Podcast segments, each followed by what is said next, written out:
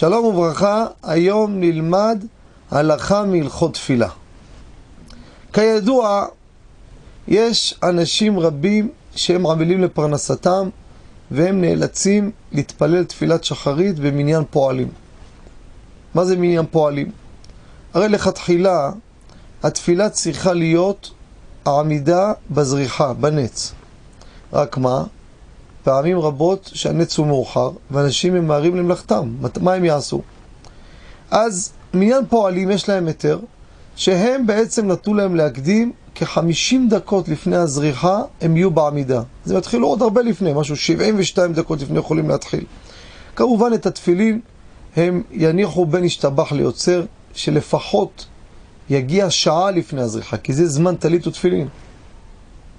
השאלה היא, מה קורה אדם שהוא לא פועל? הוא אברך כולל. הוא גר באזור עיירה, והמציאות היא שאם הוא יתפלל במניין הרגיל, הוא יאחר מאוד לכולל. וראש הכולל לא מסכים. הדרך היחידה כדי שיתפלל במניין וגם יגיע לכולל בזמן, זה להתפלל במניין פועלים. האם מותר לו או אסור לו. לאחר העיון, אברך כולל, שהכולל הזה טוב לו, גם מבחינת החומר הנלמד, גם חברותה, וגם עזרה קצת בכלכלה שלו.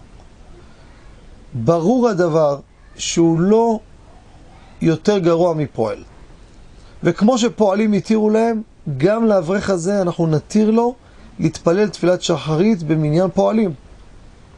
ואדרבה, הצורך שלו, אם ראש כולל לא יסכים לדבר והוא יצטרך לעזוב, גם המעט הזה שיש לו לא יהיה לו, אז חיוני יותר מאשר פועל שמרוויח סכום ולא יהיה לו, גם זה, זה מקבל מאוד מעט. המעט הזה יהיה חסר לו, זה ודאי יותר חיוני, לכן גם לאברכים, במקרה של צורך גדול כמו שאמרנו ואין דרך אחרת, רשאים להתפלל במניין פועלים. תודה רבה וכל טוב.